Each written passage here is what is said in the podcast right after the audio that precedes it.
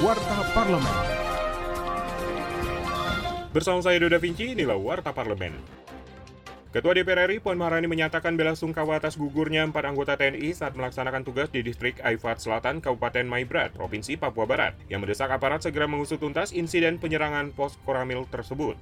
Legislator fraksi PD Perjuangan ini menekankan segenap elemen masyarakat perlu terlibat dalam menjaga keamanan dan stabilitas di Papua dan Papua Barat. Menurutnya, tanpa stabilitas, hasil pembangunan tidak dapat dirasakan oleh masyarakat, apalagi perhelatan Pekan Olahraga Nasional atau PON ke-20 Papua 2021 akan segera dilaksanakan. Wata Parlemen.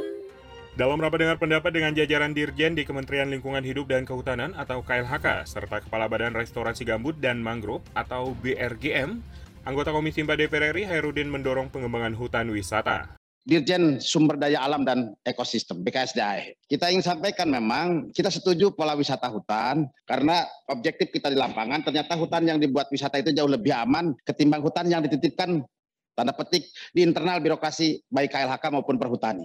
Malah yang disebut daerah konservasi itu cepat hilangnya.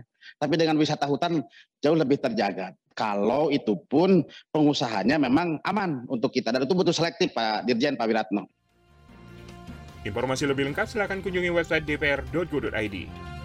Anggota Komisi 11 DPR RI, Kamarul Samad mengapresiasi kerja dari Satuan Tugas Bantuan Likuiditas Bank Indonesia atau Satgas BLBI yang berupaya mengembalikan hak rakyat dari para obligator. Politisi praksi Partai Gerindra ini menilai penunggak kewajiban pembayaran hutang negara selama 22 tahun tersebut telah menikmati fasilitas dari negara, sehingga saatnya mereka mengembalikan pinjaman sejumlah 110 triliun rupiah.